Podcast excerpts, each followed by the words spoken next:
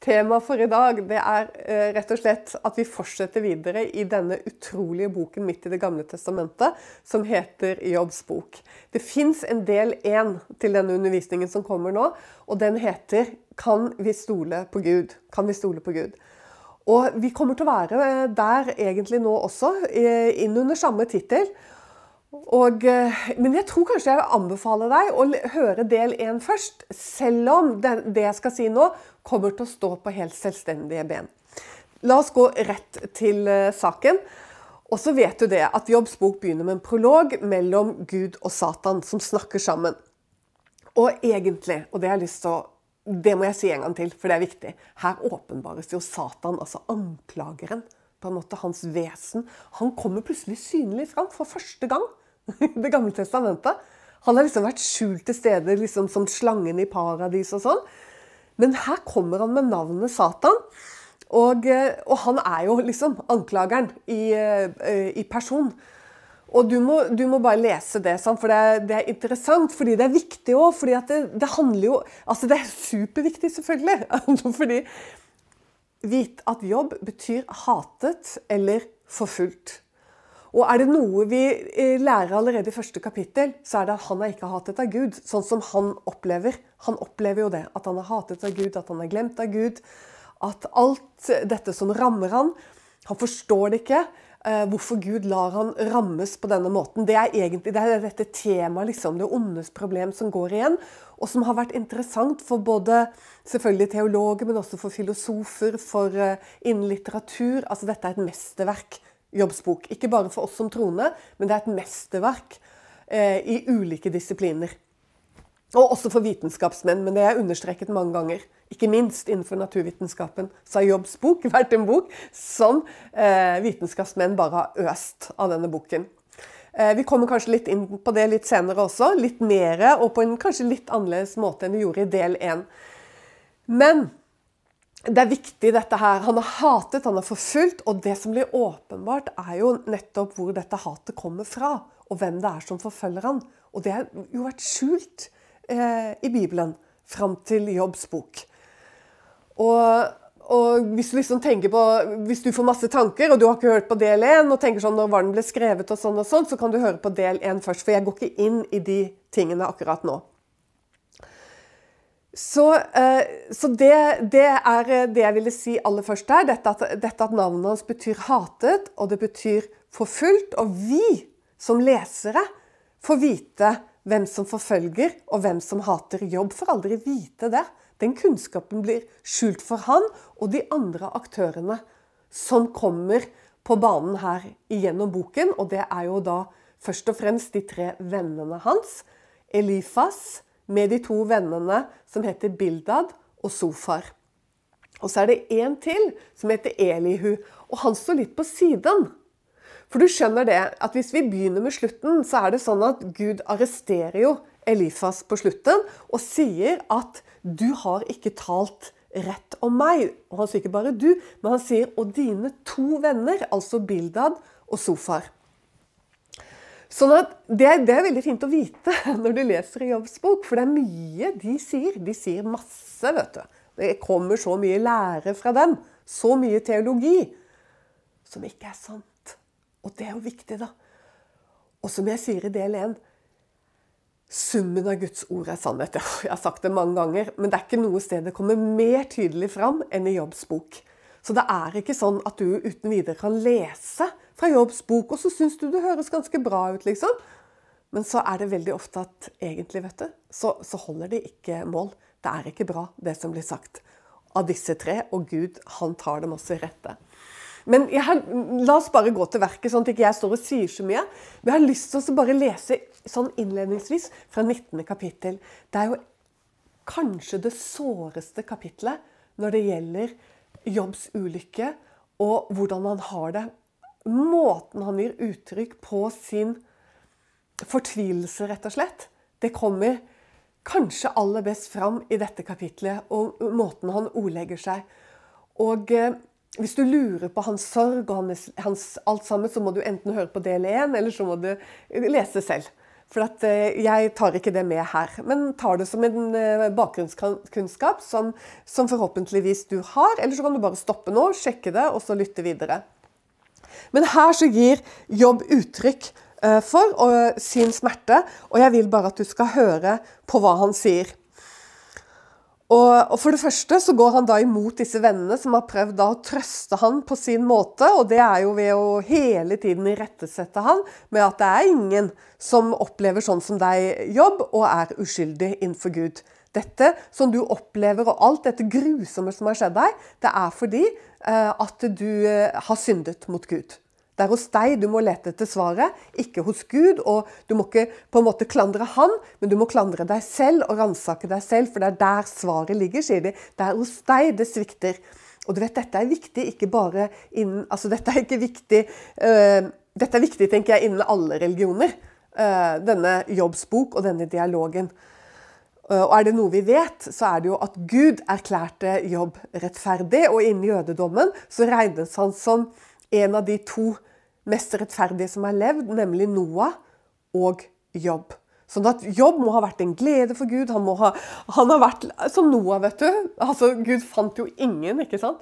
Men han fant én rettferdig. Han fant Noah. Og på samme måte så hadde Gud Jobb. Så Jobb var en fryd og en glede for Gud, og han bar sikkert mye frukt. Og han ble rammet av Satan. Og eh, som det står i Det nye testamentet, Satan krevde og sikte han som hvete. Og hør nå hvordan Jobb gir uttrykk for sin fortvilelse. Eh, hvor lenge vil dere bedrøve min sjel og knuse meg med ord? Han taler til Elifas og de to vennene hans. Det er nå tiende gang dere håner meg og ikke skammer dere ved å krenke meg. Og krenkelsen er jo at de står på dette, at svaret må du finne hos deg selv på hvorfor du lider disse eh, eh, forferdelsene. Og så sier han, 'Har jeg virkelig fart vill?' Da blir min, min villfarelse min egen sak, sier han. Altså fordi han, han, han, benekter jo det hele veien, og han holder fast på det gjennom hele boken. At, altså Han holder fast på at han ikke har gjort det. Og så sier han, 'Vil dere virkelig opphøye dere over meg?' og vise meg at min vanære har rammet meg med rette? Så vit da at Gud har gjort meg urett, sånn sier han, og satt sitt garn omkring meg.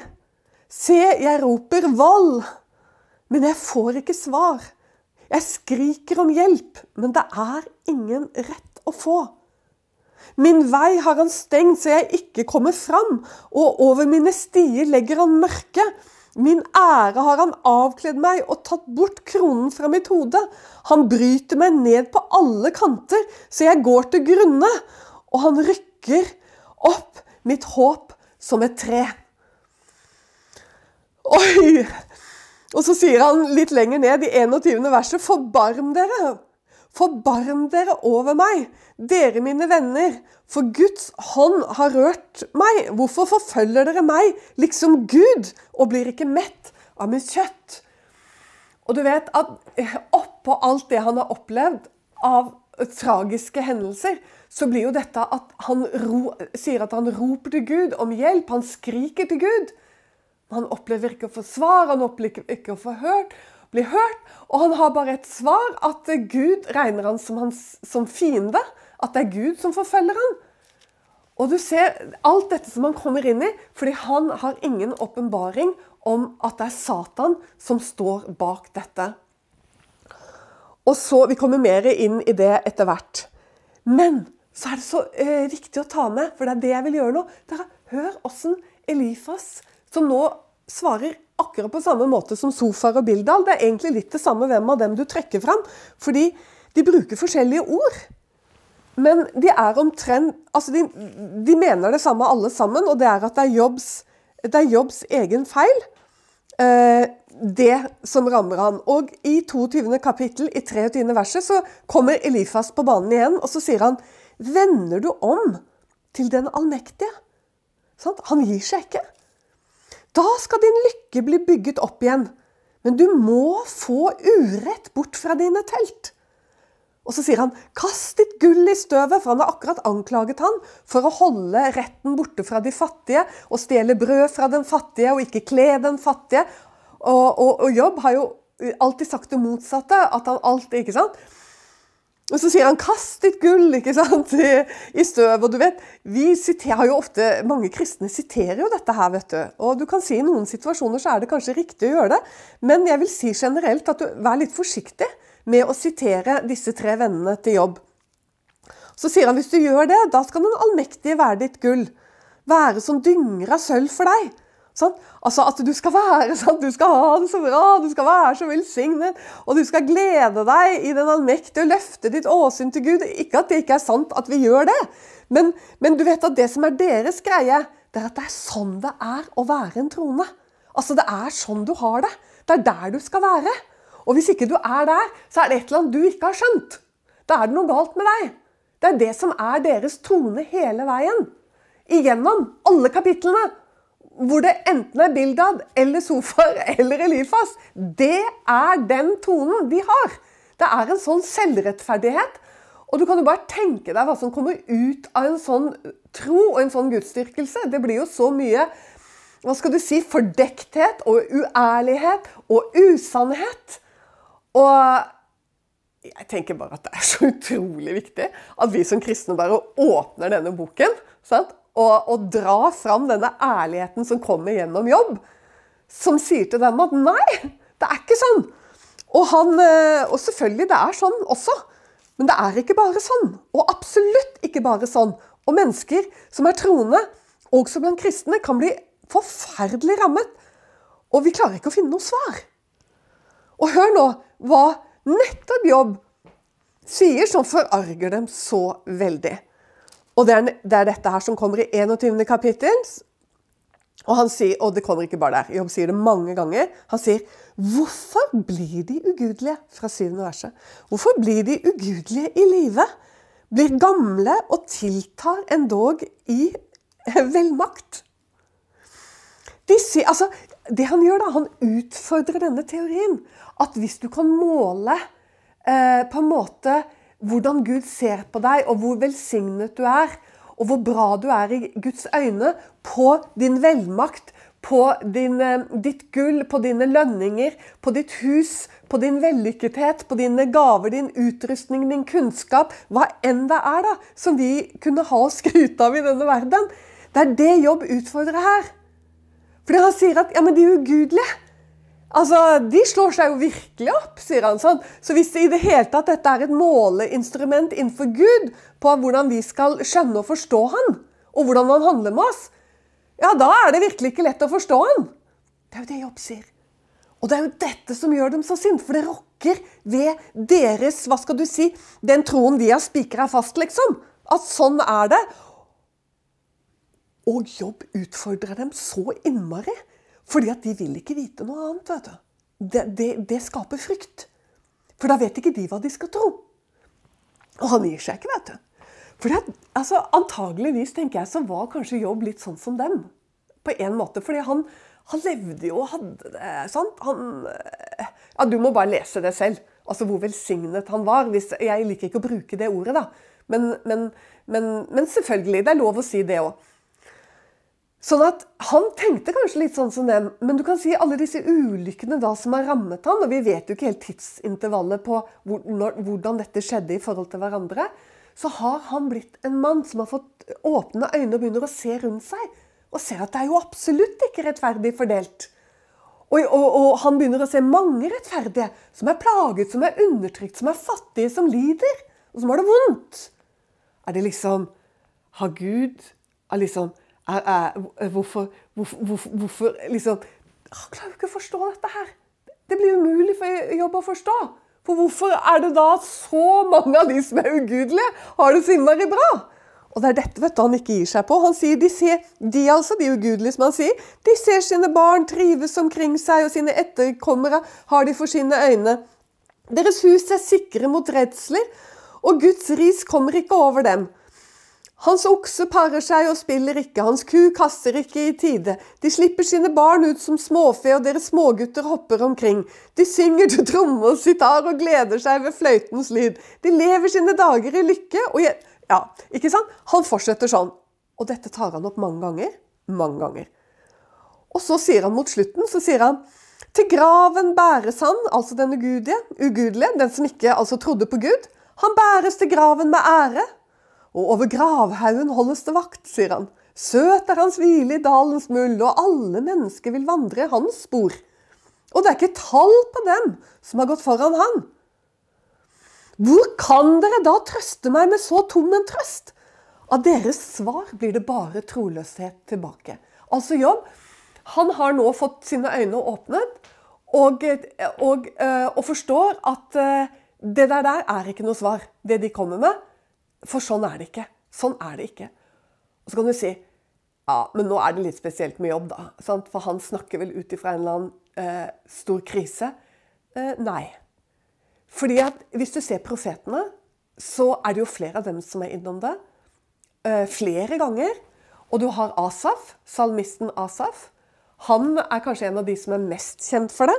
Og han sier jo at han holdt på å føre han til fall. Altså han holdt på å forlate Gud. For dette ble så vanskelig for Asaf.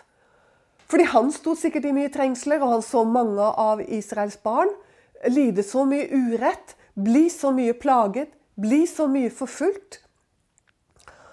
Og, og, så så han at så mange av de er ugudelige Og så kan du si at det er jo ikke sånn at ikke folk som ikke tror, blir plaget.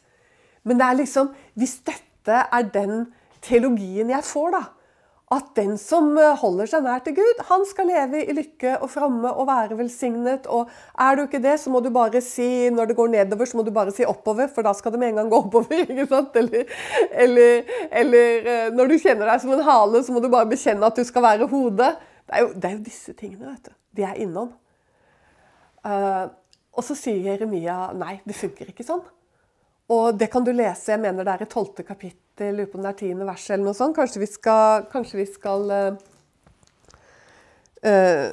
ta tiden til å lese det. For det står 'Herre, når jeg fører trette med deg, har du alltid rett', sier Jeremia. Allikevel må jeg gå i rette med deg. Hvorfor går det de ugudelige vel? Hvorfor har de ingen sorger, alle de troløse? Du har plantet dem, og de har slått rot. De vokser opp, og de bærer frukt. Nær er du i deres munn, men langt borte fra deres nyrer. Der tror jeg Jeremia kanskje sier det at eh, de som bekjenner med sin munn, men ikke lever sånn som de bekjenner, det er det Jeremia sier. Altså Han snakker om ugudelig innenfor Israels menighet, hans eget folk. Og så føler han at det går dem vel, mens han som profet, sant? han må stadig lide. Og så er det jo sånn at eh, vi, eh, vi, kjenner jo på svaret her når det gjelder jobb, og Asaf i Salme 73, les der, eller Jeremia her i kapittel, eh, i, i kapittel 12. Og selvfølgelig mange, mange andre steder.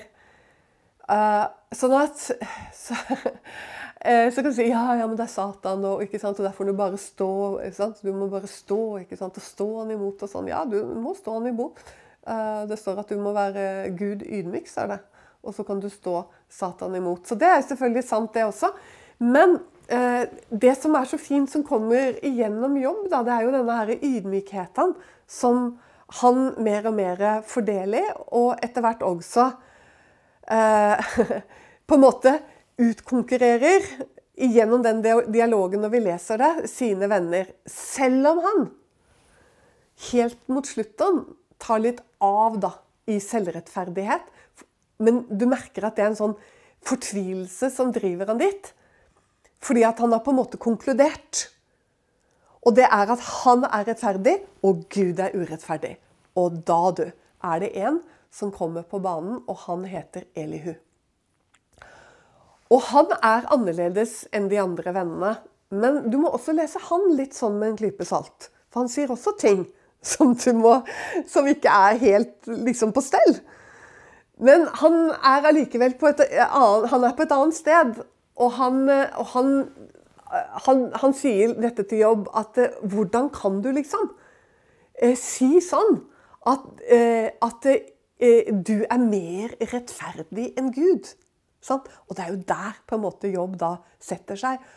Og vi skjønner i kapittel 29, 30 og 31, rett før Eliu kom på, banen, så skjønner vi at jobb Altså, hadde ikke Gud grepet inn, og det gjør han jo i kapittel 32, så hadde vel kanskje jobb eh, sagt Gud adjø, på en måte.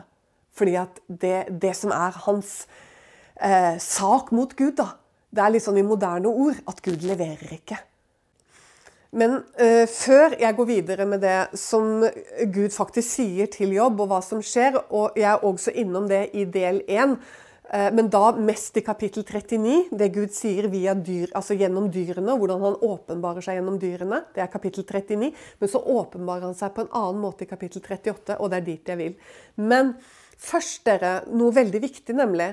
Og det er jo dette at for jobb og det som gjør at jeg på en måte kunne si dette at eh, jobb var på vei til å forlate Gud, rett og slett fordi han i moderne forstand ikke leverer, det er jo dette her at han, at han begynner å si at hva gagn har en trone av å holde seg nær til Gud?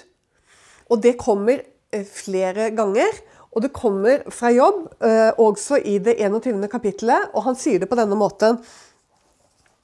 Eh, hva er, den, hva er, og hvem er den allmektige, sier han. At vi skulle tjene han. Hør, dette er viktig, altså. At du får med deg. Altså, hvem er han, og hva er han?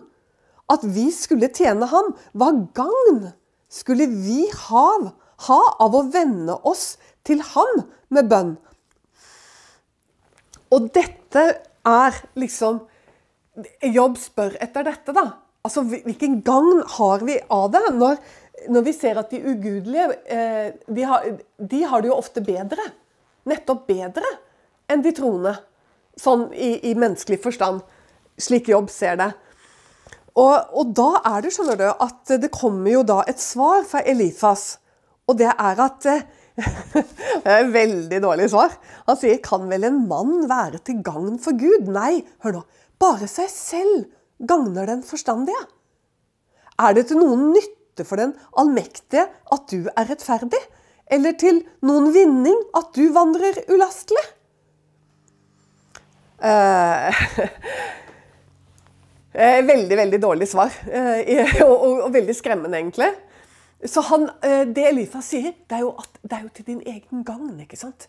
Det er det at når du vandrer ulastelig, så blir du velsignet. Og dermed så er det til din, din egen gagn. Og dette her tror jeg ikke jobb på noe lenger. Men så kommer jo Elifas, og der er det Elifas har en litt annen uh, vinkling. da, Hvor han sier at jo, hvorfor er det du skal vandre gudfryktig først og fremst? På grunn av de neste, sier eh, ikke eh, Elifas, sier e- Elihu. Denne som er annerledes enn de tre andre. Og det det er jo et veldig godt svar. Han sier det at det, det er for de neste at du skal vandre gudfryktig. For han sier, hva kommer det Gud ved om du synder? Han blir jo ikke, blir jo ikke rammet av din synd. Så sier han Men det er de neste som blir rammet av dine synder. Og det er jo utrolig bra svart. Eh, altså Det at vi som mennesker vandrer gudfryktig, er jo limet egentlig i samfunnet. Som holder oss sammen, og som ikke gjør at alt bare krasjer. Og, og det er den sterkestes rett, og, og, og, det er meg, og det er jeg. ikke sant? Så, så, så det Elius sier her, absolutt. Men det er noe, skjønner du, som er enda viktigere. Og det er der Gud kommer inn og overtar etter Elihu. Og eh, eh, Paulus er innom det flere ganger. Eh, og jeg må jo si at han har det jo fra de andre apostlenes munn, eh, som kjente Jesus og kunne gjenfortelle det Jesus sa. Og er det noe Jesus var opptatt av, så var det sannhet. Og han sa jo bl.a. at hver den som er av sannheten, sier Jesus, vil på en måte før eller siden komme til meg. Altså Den som er av sannhet, den som virkelig tror sannheten, den vil tro på, på meg. Og på ulike måter sier Jesus dette. Han sier jo også at 'hellige dem i sannheten'. Ditt ord er sannhet. Og mange, mange andre steder. Og Paulus han tar tak i dette, og spesielt i romerbrevet, i innledningen til romerbrevet og i Tessalonikerbrevet, så behandler han dette med sannhet. Og han sier det jo sånn at i Romerbrevet 1, og da snakker han jo om skapelsen. Og nå er vi jo helt på linje med det Gud gjør. Når han skal på en måte åpenbare seg for jobb, så kommer han gjennom skaperverket. Og det gjør jo Paulus når han bruker romerbrevet i det første kapitlet, så sier han at sannheten blir holdt nede i urettferdighet. For det vi kan vite om Gud, sier Paulus, det ligger jo helt oppe i dagen. Han er sannheten. Han er realitetene. Han er virkeligheten, sier Paulus. Han er den som er. Og Jesus, Vi vet jo det også, at Gud heter jo det. Så at 'jeg er'. Altså, Han er virkeligheten framfor noe annet. Det som er sant. Framfor noe som er sant, så er Gud sannheten. Han er sannheten, og han kommer til oss som virkeligheten og gjennom realitetene. Og dette er det Paulus så glimrende legger ut i begynnelsen til eh, det første kapittelet i Romerbrevet. Det må du bare lese. Og jeg har en annen tale som du finner også på nettet om akkurat dette. Men så hvis, da, hvis vi da flytter oss til eh, jobbsboken og avslutningen når Gud taler til jobb, så er det jo dette han fører han inn i. Ja, det er fantastisk det Eliu sa, men det er noe som er enda viktigere. Og det er at jeg Eh, blir hos Gud, tror på Gud, elsker Gud i kraft av den Gud er. Fordi han er, og fordi han er sannheten, og fordi han er livet. Han er virkeligheten, han er realitetene. Og det er jo dette som har vært skjult på en måte for jobb. Altså han er liksom, For han sier jo For når Gud har talt denne realitet, virkelighet, sannhet ikke sant? Sannhet, sannhet, sannhet. så er det sånn bare jobb bare ramler på sitt ansikt. sant? Og, og bare, Jeg har jo bare talt om det jeg ikke har forstått. Jeg har bare talt det som ryktet sa om deg, altså det jeg hørte og det jeg hadde lært. Men nå har mitt øye sett deg. Og du skal ikke undervurdere den omvendelsen til jobb. altså. Det tror jeg var en nesegrus. Nesegrus omvendelse av beundring, av glede, av, eh, av en Ja, noen ganger så har man ikke, har man ikke ordet, fordi at det er så viktig, det som skjer med han, gjennom det Gud sier. Og som jeg sier, det er så misforstått at Gud bare kommer med en maktdemonstrasjon. Ja, han gjør det, men gjennom denne maktdemonstrasjonen av omsorg, av perfeksjon, av realiteter, av sannhet, av forstand, uten, uh, uten mål så er det at jobb blir rotfestet og grunnfestet i hva da? Han blir grunnfestet i, i virkeligheten og i sannheten og i overbevisningen om Guds omsorg og totale kontroll. Rett og slett. Kapittel 38, kapittel 39, 40 og 41, og les de nøye. I del 1 er jeg spesielt opptatt av hvordan han gjør dette gjennom dyrene i kapittel 38, som er innledningen til Gud. Og Da begynner han med himmelen, og han begynner med himmellegemene. Han begynner om himmelens lover og lovmessigheter. Han snakker om stjernebilder. Han, han eh, Faktisk så serverer han all ettertid egentlig gudsbevis på at vi skjønner at denne eldgamle boken Jobb, altså denne Jobbs bok, som er sannsynligvis nedskrevet av Moses, eller, hans, eller samtidige av Moses. Jobb levde før det. Han levde på patriarkenes tid, og det skjønner vi ut ifra ting han sier. Men det må ha vært nedskrevet i, eh, i ettertid. Og Der kan du høre del én for å få argumentene på det. Men, eh, men eh, eh tankene som kommer fram i 38. Eh, kapittel, er rett og slett som jeg sier, gudsbevis. Fordi her sier Gud ting som man først i vår tid har funnet ut når det gjelder stjernehimmelen. Og det er helt fantastisk. Når han snakker om det vi sånn På hebraisk heter det jo ikke syvstjernen. Nå går jeg særlig til siste del av kapittel 38, fra vers 31. Der taler han om syvstjernen. Han, han taler om ulike altså stjerne, Eh, stjernebilder som vi kan se på himmelen. Syvstjernen. Han taler om Orion. Og så taler han om han alltid, eh, det stjernebildet som jeg alltid glemmer navnet på. Og det er Arcturus. Og alle disse tre kan vi se. Og eh, sånn som Orion, sant? det har jo du helt sikkert sett. Eh, stjernebildet Orion. Eh, det midt, den midterste delen av det stjernebildet, det er de tre stjernene på himmelen som ser ut som de står Altså, de står helt på linje. Tre stjerner. Og på vinterhimmelen nå så er de jo veldig synlige. Og det er midt i stjernebildet Orion. Og Gud sier, vet du, om dette stjernebildet, så sier han Kan du løse Orions bånd? Og du vet at Det leser vi veldig fort uten å behøve å tenke over det. Men det er jo først i senere tid vi nå vet at dette her er fantastiske eh, Som vi kan se også fra jorden. At når du for forstår det det? Kan du løse dens bånd? Det er jo akkurat det som er tilfellet med dette stjernebildet. er At det, det beveger seg fra hverandre. Altså Det kommer til å på en måte, det går mot oppløsning. og det er veldig nydelig når vi vet det, at på hebraisk så heter det jo ikke Orion, for det er jo fra gresk mytologi. Så i Bibelen står det ikke det. På hebraisk det står et annet ord. Og det ordet som brukes, det er også et ord på hebraisk som betyr skal du, Hvordan skal vi si det på norsk? I hvert fall fool. Dumran. Betyr det også. Og, og hvorfor det? Jo, for du vet at dette stjernebildet ble jo dyrket både blant babylonerne og egypterne. De så jo på dette som en gud, en guddom. Og Orion, som hadde et annet navn på, for Orion er gresk, men hadde et annet navn på egyptisk, det var liksom opphavet, altså selve hovedguden. Og, og, og, da på hebraisk og i Bibelen, i Jobbs bok, så står det liksom dette her foolish. Dette stjernebildet som de dyrket som Gud, det holder på å gå mot oppløsning. Og så, si, og så, bruker Gud dette overfor jobb og så sier Kan du ikke sant? Her utfordrer han og viser hvilken total kontroll han har. Men ikke bare det! Han beviser jo at det er han som faktisk talte til jobb. For ingen andre kunne vite dette. Det er først i dag at vi vet at Orion og dette stjernebildet går i oppløsning. Altså, Ikke noe sånn at det går i oppløsning sånn i vår tid, på noen måte, men det beveger seg fra hverandre. I motsetning til syvstjernen, som vi kaller den, som det ikke står i Og dette er jo fordi også fra gresk mytologi. Men i Bibelen så heter det egentlig en sammenhopning. Og dette er jo en utrolig stjernebilde. Fordi at med våre øyne kan vi eh, kanskje klare å se syv, toppen åtte av stjernene i denne stjerneopphopningen.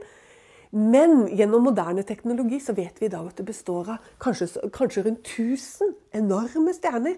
Og nå, og nå du, Eh, det fantastiske er jo at alle disse stjernene, det vet vi nå, de er bundet sammen gjennom tyngdelov. Som gjør at de holder seg helt sammen. Og de beveger seg i samme retning. De beveger seg i samme retning. Alle disse her, sida, de vet jo ikke sikkert, men de regner med i hvert fall 1000 stjerner. Uten å kollidere, uten å gå på kryss eller tvers av hverandre, eller noen form for kaos. Nei, i perfekt harmoni beveger de seg gjennom universet i samme retning. Og så holder de seg sammen. Det vet vi i dag. Og så sier jo Gud ikke sant, Kan du ikke sant, binde båndene til syvstjernen? Og kan du løse båndene til Orion? Og der har du også motsetningen mellom Orion og syvstjernene. Eh, du, man blir stum. Man blir rett og slett stum for hva Gud har lagt ned av kunnskap og kjennskap som vitenskapen kommer ikke sant? Si dette er skrevet ned da, eh, for 3500 eh, år siden. Noe sånt noe. Kanskje enda litt tidligere. Men det må jo være egentlig rundt Moses sin tid. Tenk på det, da. Sånt. Og så gir, gir han seg jo ikke med det. Men han, han, du må jo bare lese sånn, hvordan istid beskrives, hvordan ulike fenomener, men også et himmelfenomen til, som er Arcturus. Og du, han sier, kan du lede Arcturus og hans sønner? Kan du lede dem fram? Kan du lede an, liksom? Jobb. Og i dag så vet vi at eh, denne, eh, denne sammen, eh, dette stjernebildet og denne sammenstillingen av stjerner, de beveger seg igjennom universet i en hastighet av 122 km i sekundet. Og da tror jeg vi, hvis vi regner sånn noenlunde riktig, at vi er oppe i en 44 000 mil i timen. Sånn? da, da bare krasjer våre tanker. For vi klarer ikke å forstå den type fart. Men, eh, men, det, men, men, eh, da er det jo litt morsomt at Gud sier 'Kan du lede an', liksom? og, og snakk, ja, det, så det er helt riktig. Du verden for en maktdemonstrasjon. Men, eh, men, samtidig, sant, når du faller ned i 39. kapittelet fra denne veldige maktdemonstrasjonen, så denne omsorgen sant? Vi vet jo det, og jeg har vært innom det mange ganger, dette med strutsen. Jeg må bare si det litt, at det jeg plutselig oppdaget her for noen dager siden, er jo at Jobb selv kaller seg for en struts. Han sier Altså han, han, han, prøver å si til Gud og til sine venner hvor elendig livet hans er blitt. Og så sier han jeg er blitt en bror av sjakalene og en stallbror av strutsene. Og det er jo fordi at han kan ikke tenke på noen dyr som har verre betingelser. på en måte. Der hvor han, I øyeblikket så kommer ikke jobb på noe verre enn sjakaler og strutser, som har fått så fryktelige livsbetingelser. Og de lever jo også under forhold som er uh, utrolig vanskelige. Og vi vet jo at, vi vet jo at strutsene de, uh, altså de har fått harde betingelser. Men da hør på del én.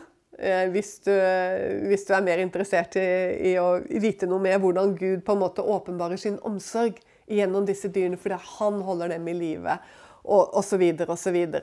Og dette er kjempeinteressant. Sånn at det er både hans totale kontroll, fullstendig kontroll, og samtidig hans omsorg. Og når han kan holde strutsen, sjakalen, ravnene og steinbukkene ikke sant? Og hjelpe de å leve der de lever. Hva da med deg, jobb? Hvorfor skulle ikke jeg ha kontroll over ditt liv? Og da får jo også Elihuset rett når han sa han ser nok også din sak, og du må vente på ham. Og det må vi òg.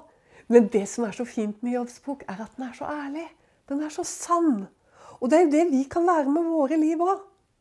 Vi kan være ærlige, vi kan være sanne der hvor vi er, og hvordan vårt liv er, uten å frykte for det første så vet vi det, at vi må være under forfølgelse og trengsler her i denne verden. For vi har en fiende som dog er beseiret, men som likevel har navnet verdens fyrste av Jesus.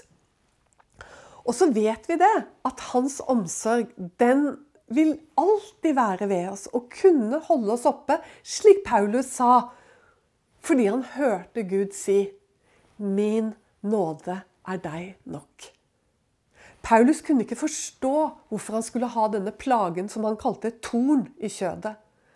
Denne svakheten, denne skrøpeligheten som Paul led under, som han ropte til Gud både én og to og tre ganger uten å få bønnesvar.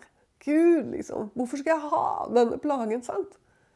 Så svarer Gud han, 'Min nåde er deg nok'. Og det ender at Paulus sier at derfor vil jeg rose meg av min skrøpelighet. Sånn? For Guds kraft åpenbares i denne skrøpelighet ved at jeg får nåde sant? til å kunne vandre. Og kunne si som Jesus sa til oss, ta mitt åk på dere. Sant? Og lær av meg, for mitt åk er ganglig og min byrde er lett. Altså, Gud tar ikke nødvendigvis tornene ut, men han gjør torner lette. Og han gjør torner til byrder som vi mer enn kan tåle. Fordi hans nåde er så ufattelig stor. Og det er den også for sjakalen og strutsene og steinbukkene. De kan leve der de lever. Altså Steinbukken kan leve i områder at hvis du ser dem i Israel, der hvor de lever, i ørkenlandskapene i Judaørkenen Det er umulig å skjønne at det går an å leve der. Men fordi Guds nåde er nok for dem, så lever de der, og så går de der, og så vandrer de der, og så har de fått en utrustning av Han. Og de har fått den utrustningen til å leve og til å være den de er. Og det er så fantastisk. Så jeg tror jeg skal eh, runde av med dette. Og, og oppfordre deg igjen kanskje å bruke første måneden i 2022 til å virkelig sette deg inn i Jobbs bok, for her er det eh, her er det så mange skjulte skatter som man eh, kan øse av. Og dere, det er en bok som er viktig. Eh, jeg tenker i vårt private, i gudsliv og etterfølgelse. Men også så er det så viktig eh, eh, teologisk også. Og det snakker jeg kanskje enda mer om i den første delen. Så da gjenstår det bare for meg å si Gud velsigne deg.